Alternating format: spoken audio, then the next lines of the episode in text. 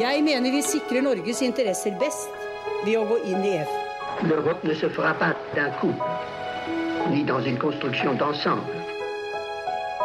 Das beste Mittel, um eine Politik zu treiben, die sich auf Vertrauen gründet. Dette er ikke noe vanlig samarbeid mellom selvstendige nasjoner. Dette er en sterk og dyp integrasjon. No, no,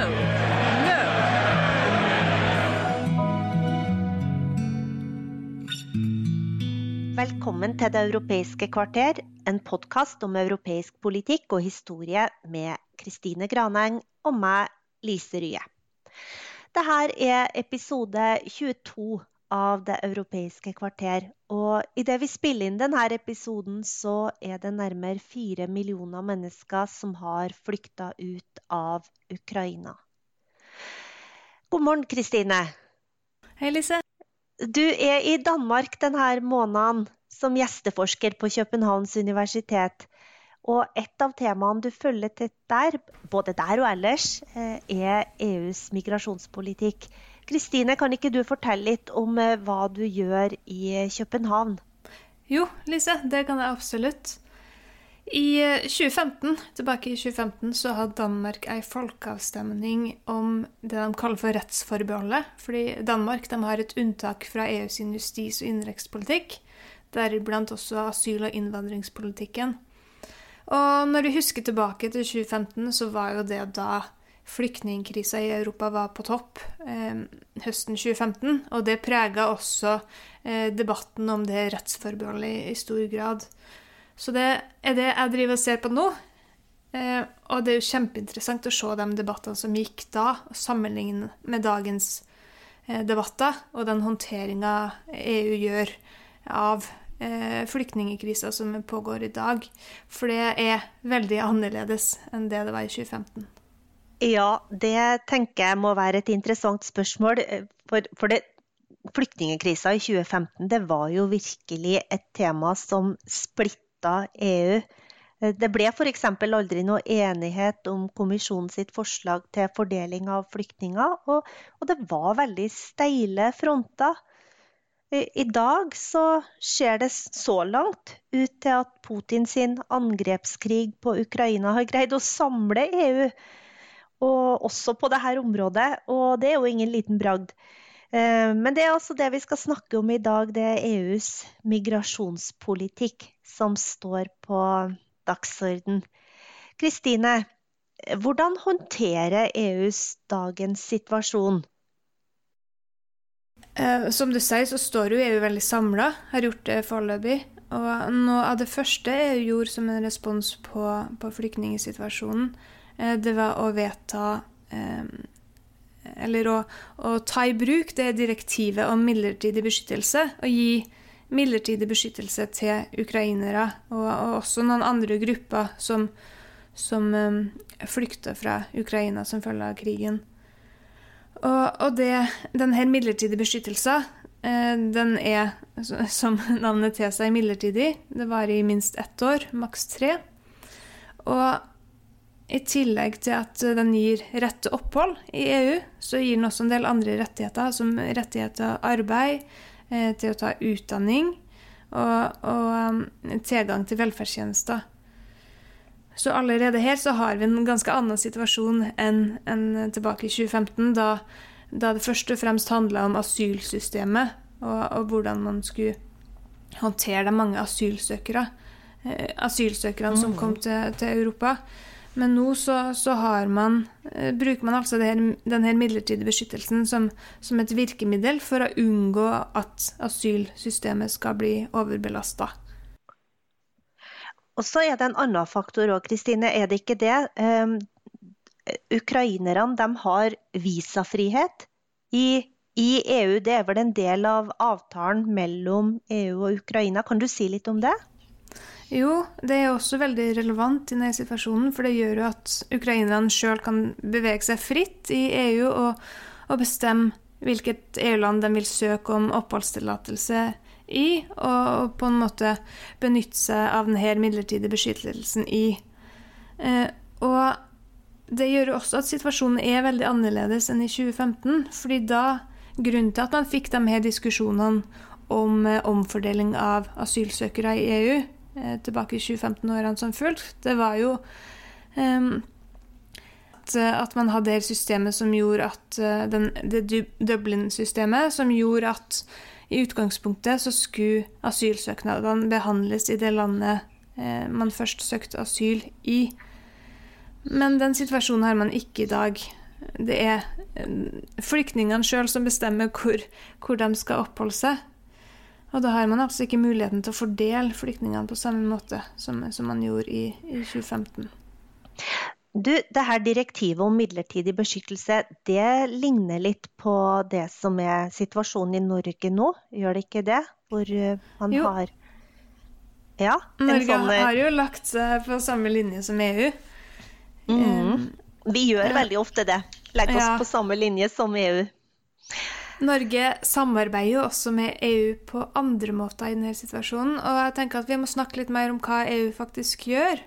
Og i den forbindelse så syns jeg det er fint å høre på et lite klipp av Ylva Johansson, som er kommissær for justis- og innenrikspolitikk i EU, og som altså har ansvar for migrasjonspolitikken. Eh, så da tenker jeg at vi skal høre på det klippet. Ja, la oss gjøre det.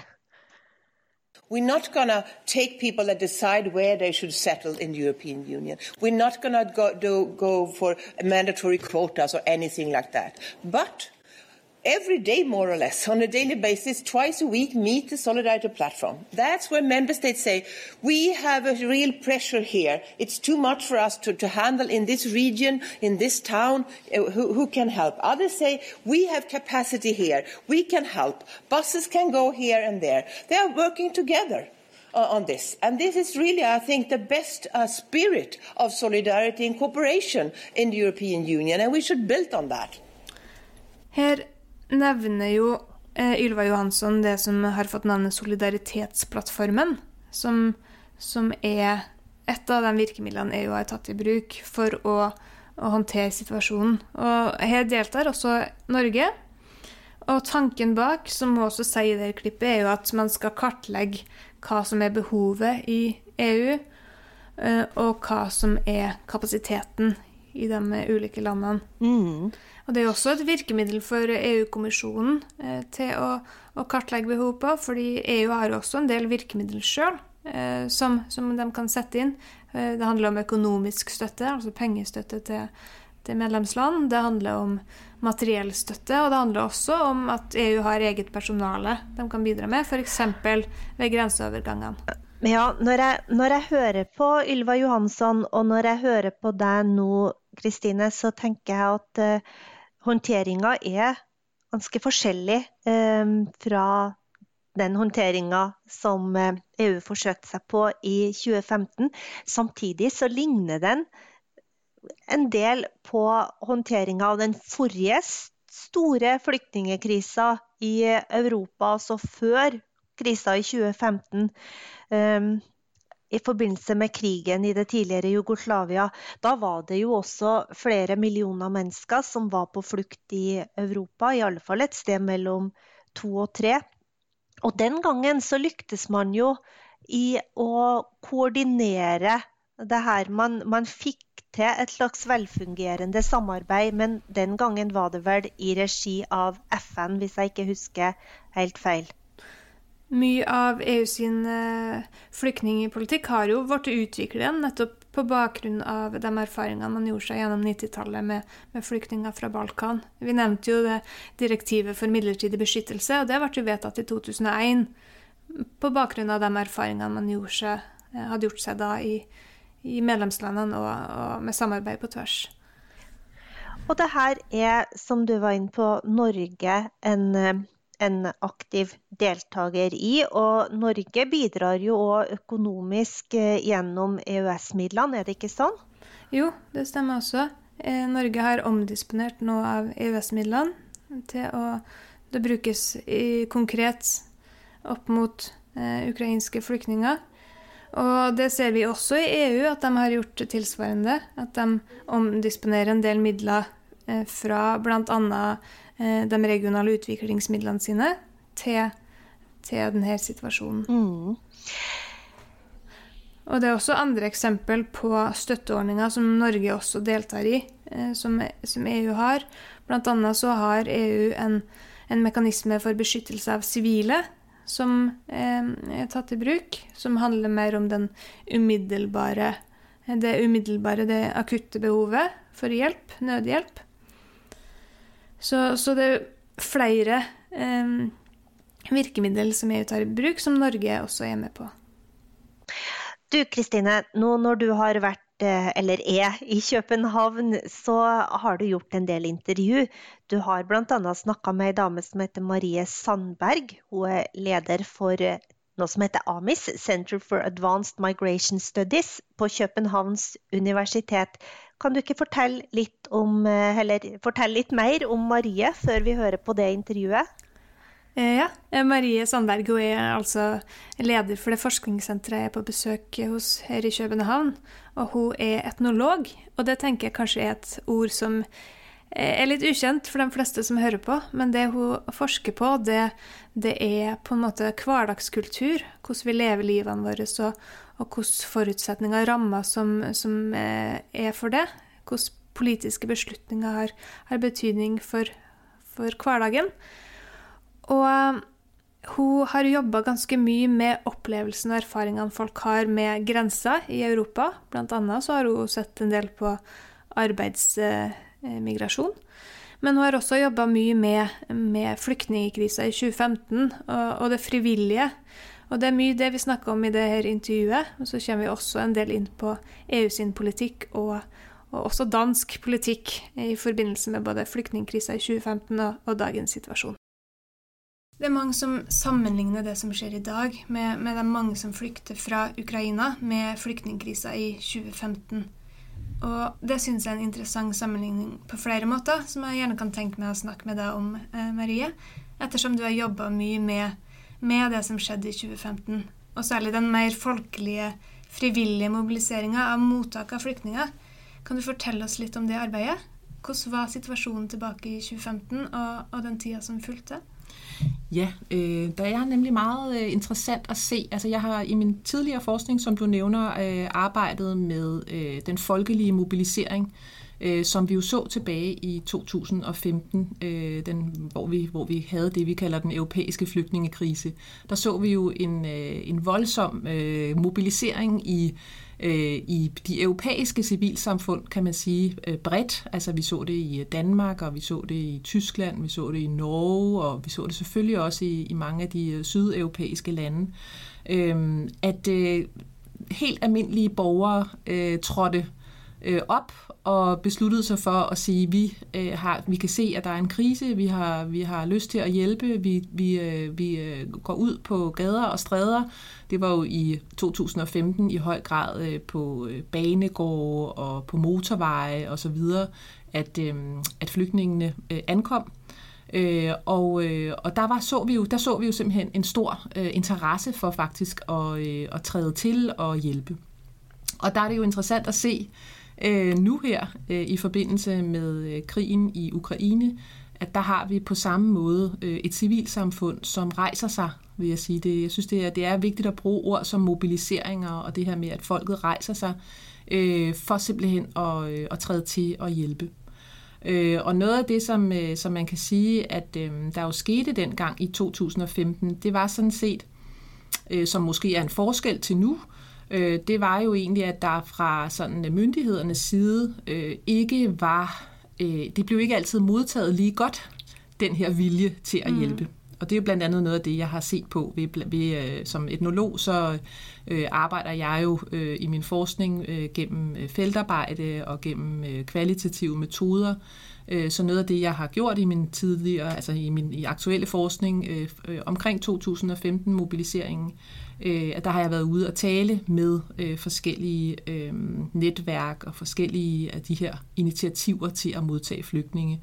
Øh, og det har jeg faktisk gjort. Øh, ikke, det gjorde jeg ikke i 2015, men jeg har gjort det efterfølgende.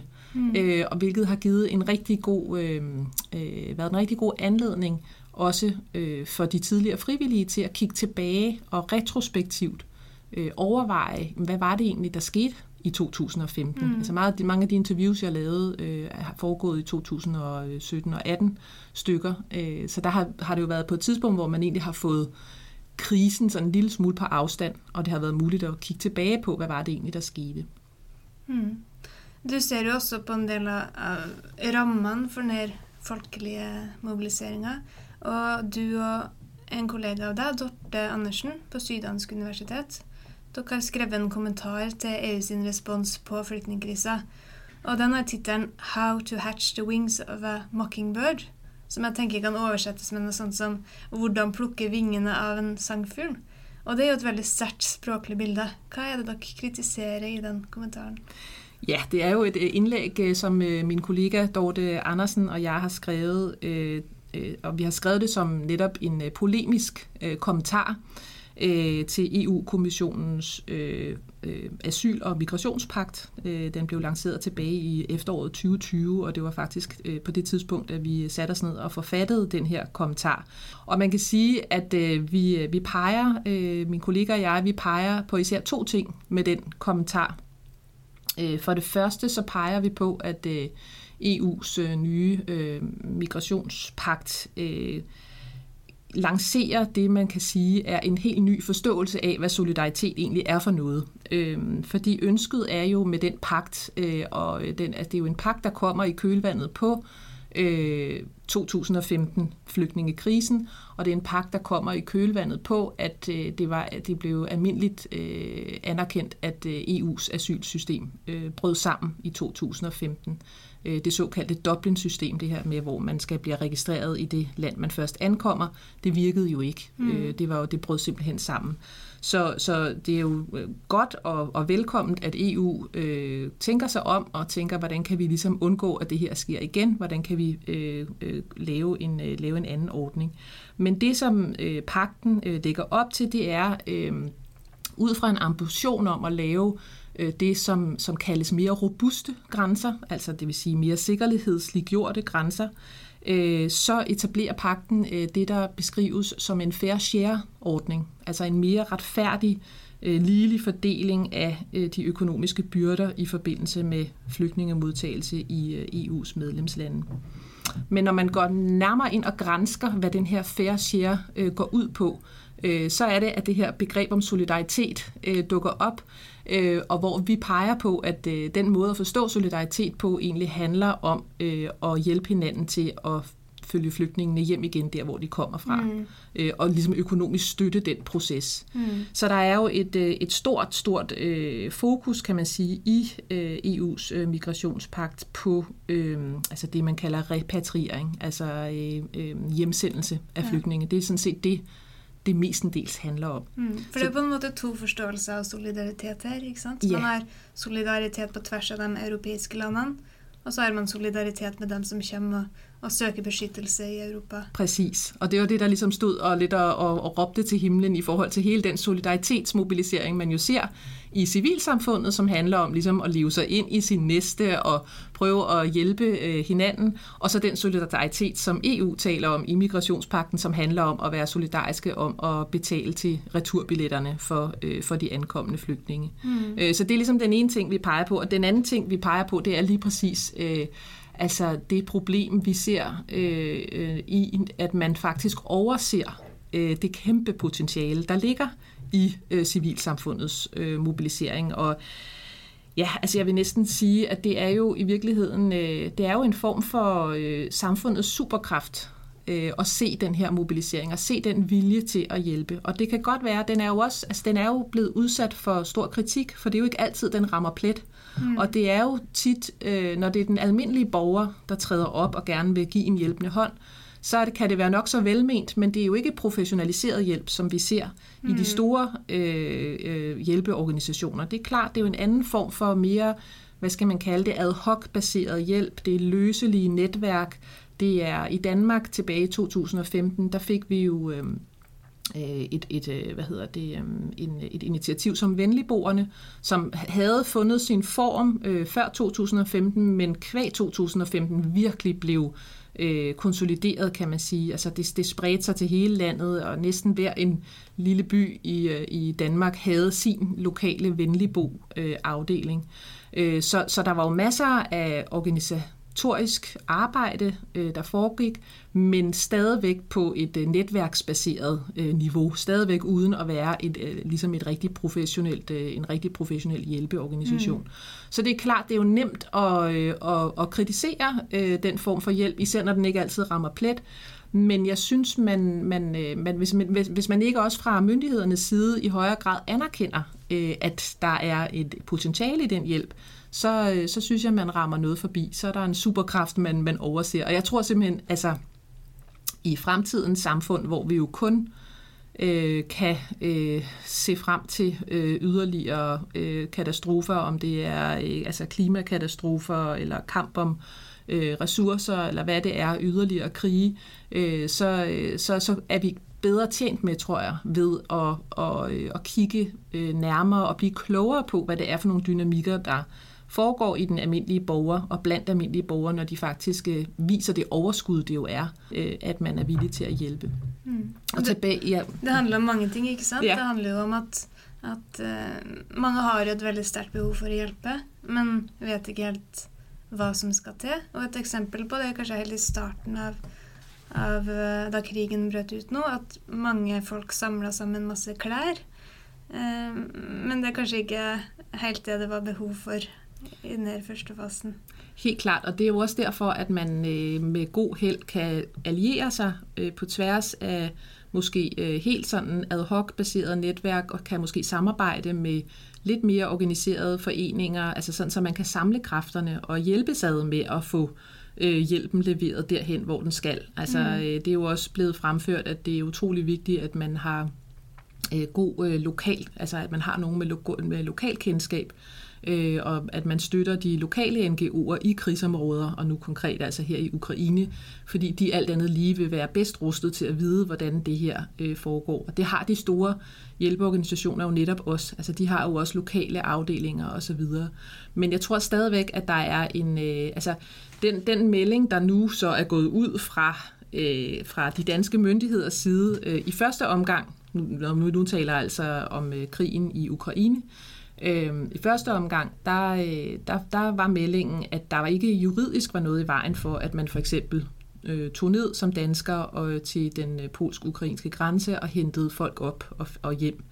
Øh, det har man så modereret lidt sidenhen, øh, hvor øh, meldingen så sent som i sidste uge på en, en øh, pressekonference fra Udenrigsministeriets side har decideret anbefalet, at man undlader at gøre det, øh, fordi det er egentlig ikke nogen hjælp, øh, som det blev sagt, når alle pludselig øh, sætter sig ind i en bil og vil hente folk op til øh, Danmark, uden at have forudgående klare aftaler om, hvor skal de lande hen, de her folk, mm. og hvordan hjælper vi dem egentlig bedst muligt. Øhm, så selv, men på trods af den, hvad skal man sige, øh, altså den vending, altså hvor man er gået fra at sige, jamen der er ikke noget juridisk i vejen for det, og så til at, at, øh, at man anbefaler, at man ikke gør det, og man, skal, man bliver anbefalet at donere penge til hjælpeorganisationerne i stedet for. Mm. Øhm, men til trods for det, så vil jeg sige, at det er en stor øh, forskel fra 2015, hvor det var jo decideret, øh, det blev jo kriminaliseret. Altså der kunne man jo, der blev man, der var der jo nogen, der blev dømt for menneskesmugling, hvis de gjorde det samme. Øh, mm. Så på den måde er der jo ligesom en, en, en, en øh, et skift fra 2015 og så til nu. Mm, og det tænker jeg også, vi må snakke lidt mere om. For Maria, EU sin respons nå, både når vi ser på enkelte medlemsland og EU som stort, det er jo foreløpig en en ganske annen enn en det det var i 2015. Eh, Polen var jo tydelig i 2015 på at de ikke ønska å ta imot flyktninger fra Midtøsten. Eh, men nå har de jo ønska ukrainere hjertelig velkommen, og er det landet som har til nå tatt imot flest flyktninger fra Ukraina. Men Polen har også gitt noen signaler. Jeg er litt usikker på hva hva den polske regjeringa har sagt, men det kommer en del signaler fra Polen om at de behøver hjelp fra resten av EU til å håndtere situasjonen. Og når vi ser på hva EU har gjort til nå, så har jo EU bl.a. vedtatt eh, for første gang, og veldig raskt, at ukrainere får midlertidig beskyttelse i EU. Og det er en veldig annen situasjon enn i 2015 og i tida etter, da EU-landene stort sett har krangla om hvem som skal ta ansvar for å ta imot asylsøkere. Hvordan kan man forklare denne endringa? Jamen det er et godt spørgsmål. Altså øh, man kan jo sige, altså EU indfører jo det her midlertidige øh, beskyttelsesdirektiv, og det er jo egentlig en gammel konstruktion, øh, som har, har eksisteret siden 2001. Øh, og som du ganske rigtigt peger på, man kan jo spørge sig selv, hvordan kan det være, at man ikke øh, tilbage i 2015 øh, øh, aktiverede det her midlertidige beskyttelsesdirektiv. Hvordan kan det være, at man ikke gjorde det i sommeren øh, 2021, øh, da Taliban indtog Afghanistan, mm. og afghanerne skulle evakueres? Øh, og det står jo selvfølgelig hen i det uvisse, altså hvorfor er det nu?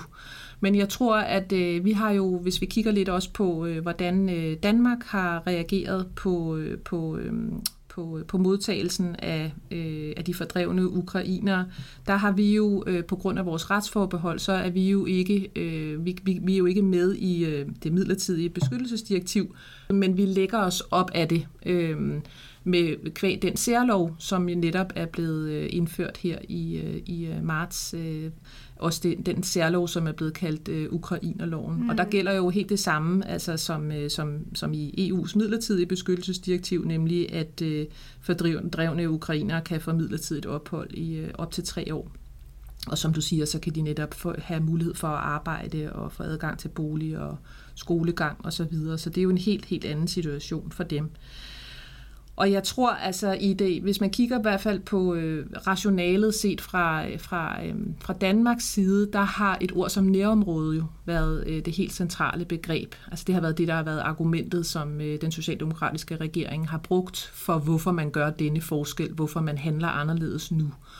Og, øh, og det er jo et godt spørgsmål, hvad menes der så med nærområdet? Fordi altså, hvis du måler i kilometer, så er det jo ikke, altså der er måske lidt længere til Damaskus øh, fra København, øh, end der er øh, til Kiev øh, fra København, men jeg tror, der er alligevel øh, nogle, i hvert fald små 2.000 kilometer til mm. Kiev, så det er jo ikke det, det handler om. Det handler jo ikke om den geografiske afstand. Det handler om noget helt andet. Ja, i hvert fall i Norge, når man brugte begrepet nærområde i, i 2015, så handler det jo om nabolandene til, til Syria.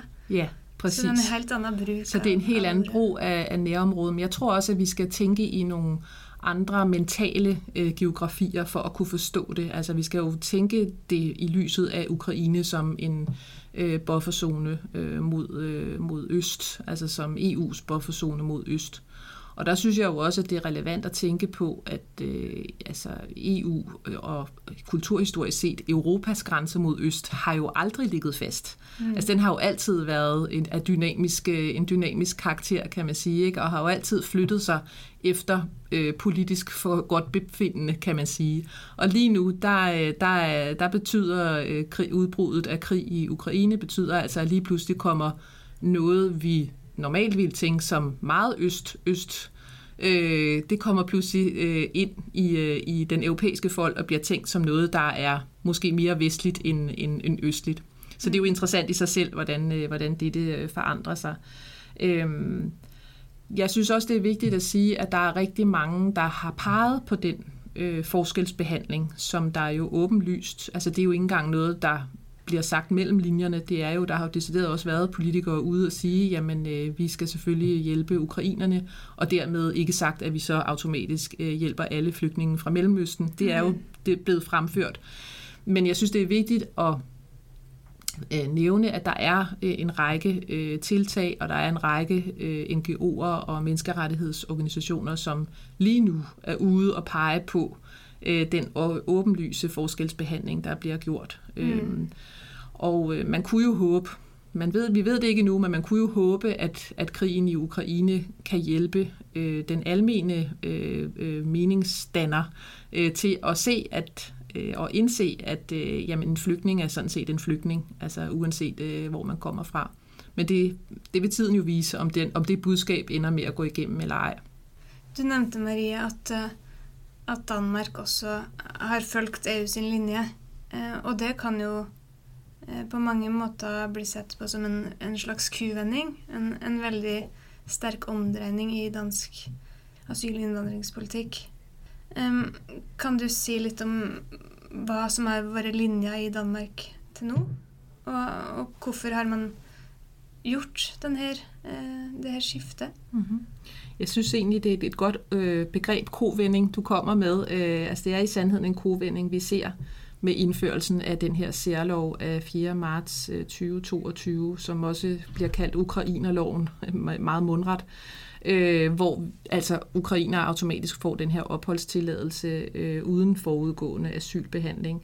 Normalt er der jo altså en ventetid på seks måneder, så det er jo en ret radikalt anderledes måde, mm. man kan ankomme til Danmark på.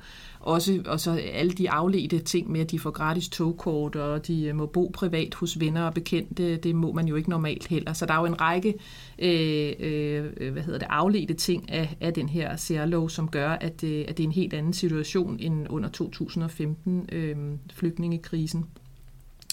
Øh, og grunden til, at jeg synes, at kovending er et godt udtryk, øh, det er jo fordi, at vi jo i en dansk sammenhæng ellers har øh, set det, som øh, øh også med et politisk udtryk øh, kaldes øh, paradigmeskiftet.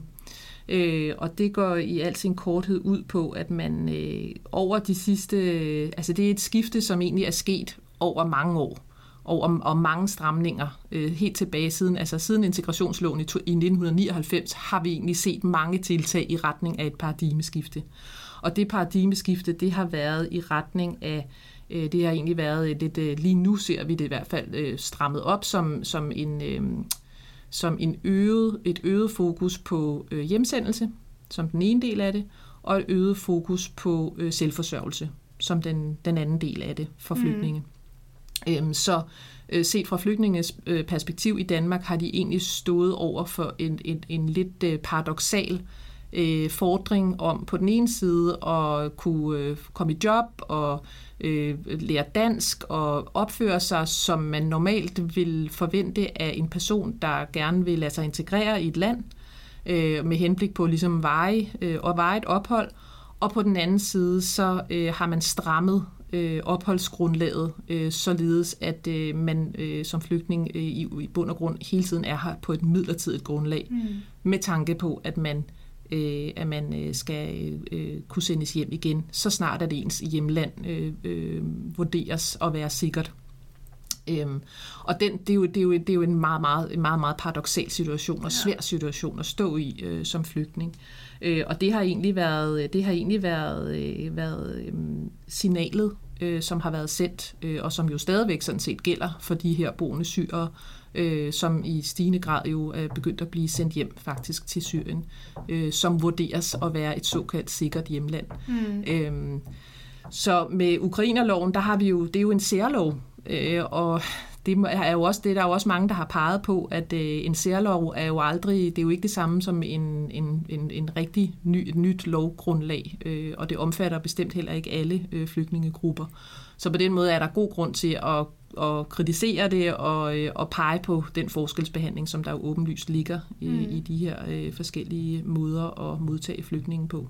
Det går jo også nogle diskussioner i Folketinget nu, det danske parlament, ikke sant, om om f.eks. det at man sender flygtninger tilbage til Syrien og anser det som et trygt land. Helt præcis. Altså der er øh, lige præcis, det er faktisk i dag, øh, at der er et, øh, et lovforslag øh, fremsat af blandt andet øh, SF og Enhedslisten og Radikale, og Alternativet er også med, øh, hvor man øh, ønsker at, øh, og, øh, at ændre øh, udlændingelovens paragraf 7.3. Øh, det er ligesom den, der handler om krigsflygtninge, mm. og som handler om at, øh, at, øh, at ligestille forskellige former for asyl, så opholdstilladelsen ikke kan inddrages, uden at der er 100% øh, sikkerhed for, at, øh, at landet er genoprettet. Mm. Øh, og det er, så det er jo noget, der, det er noget, de diskuterer, ligesom vi sidder her nu, øh, og det er jo lidt spændende at se, hvad der kommer ud af det mm. øh, lovforslag. Mm.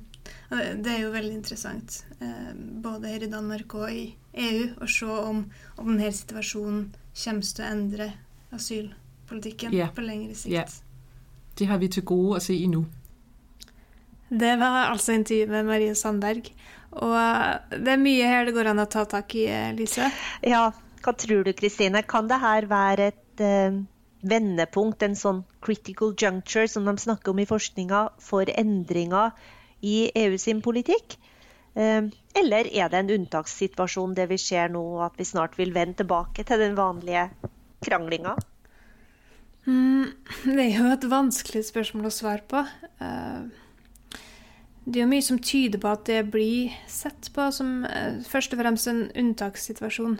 Marie var jo inne på noen eksempler på det i, forskjellsbehandling av flyktninger. Eh, og særlig denne ukrainerloven i Danmark, som tydeliggjør denne forskjellen veldig.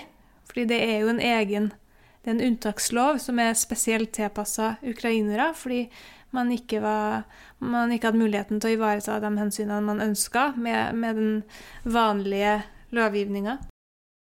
Og Marie var jo også innom en del av årsakene til det. Eh, og, og, jeg tenker det er også verdt å legge til at, at det ikke bare handler om det kulturelle og hva vi definerer som vestlig, men også at det jo handler om omfanget av situasjonen, og også en del om geografien. Det er jo et av, av nabolandene til Eller et av landene EU grenser til, som, som, er berørt. Og det, det, tenker jeg at har betydning også. Ja. Eh, en av de tingene jeg er mest spent på framover, som jeg tenker kan få stor betydning for EU eh, sin migrasjonspolitikk, det er jo hva Polen kommer til å gjøre. For Polen står jo i en veldig krevende situasjon nå. Det er jo først og fremst Polen flyktningene har kommet til foreløpig. Og, og veldig, mange, veldig mange ønsker vel å bli i Polen også, Kristine, fordi de mm. ønsker å komme seg raskt ja. tilbake igjen. Men mm. Og det, det, er jo litt som det vi var inne på, på um, tidligere, at, at, sånn som uh, systemet er lagt opp nå, så, så står jo flyktningene sjøl fritt til å velge hvor de vil dra. Men, men de signalene som har kommet fra Polen eh, foreløpig eh, Jeg har ikke merka meg at de nasjonale myndighetene i Polen har, har, sagt noe konkret om at de ønsker en slags omfordeling, eller ønsker i større grad at EU skal ta andre EU-land skal ta en del av flyktningene. Men det er jo tydelige signaler fra lokale myndigheter, f.eks. borgermesteren i Warszawa. Også en del individuelle politikere som sier det. Så, så jeg er veldig spent på om, om, det kommer et tydeligere signal fra Polen etter hvert.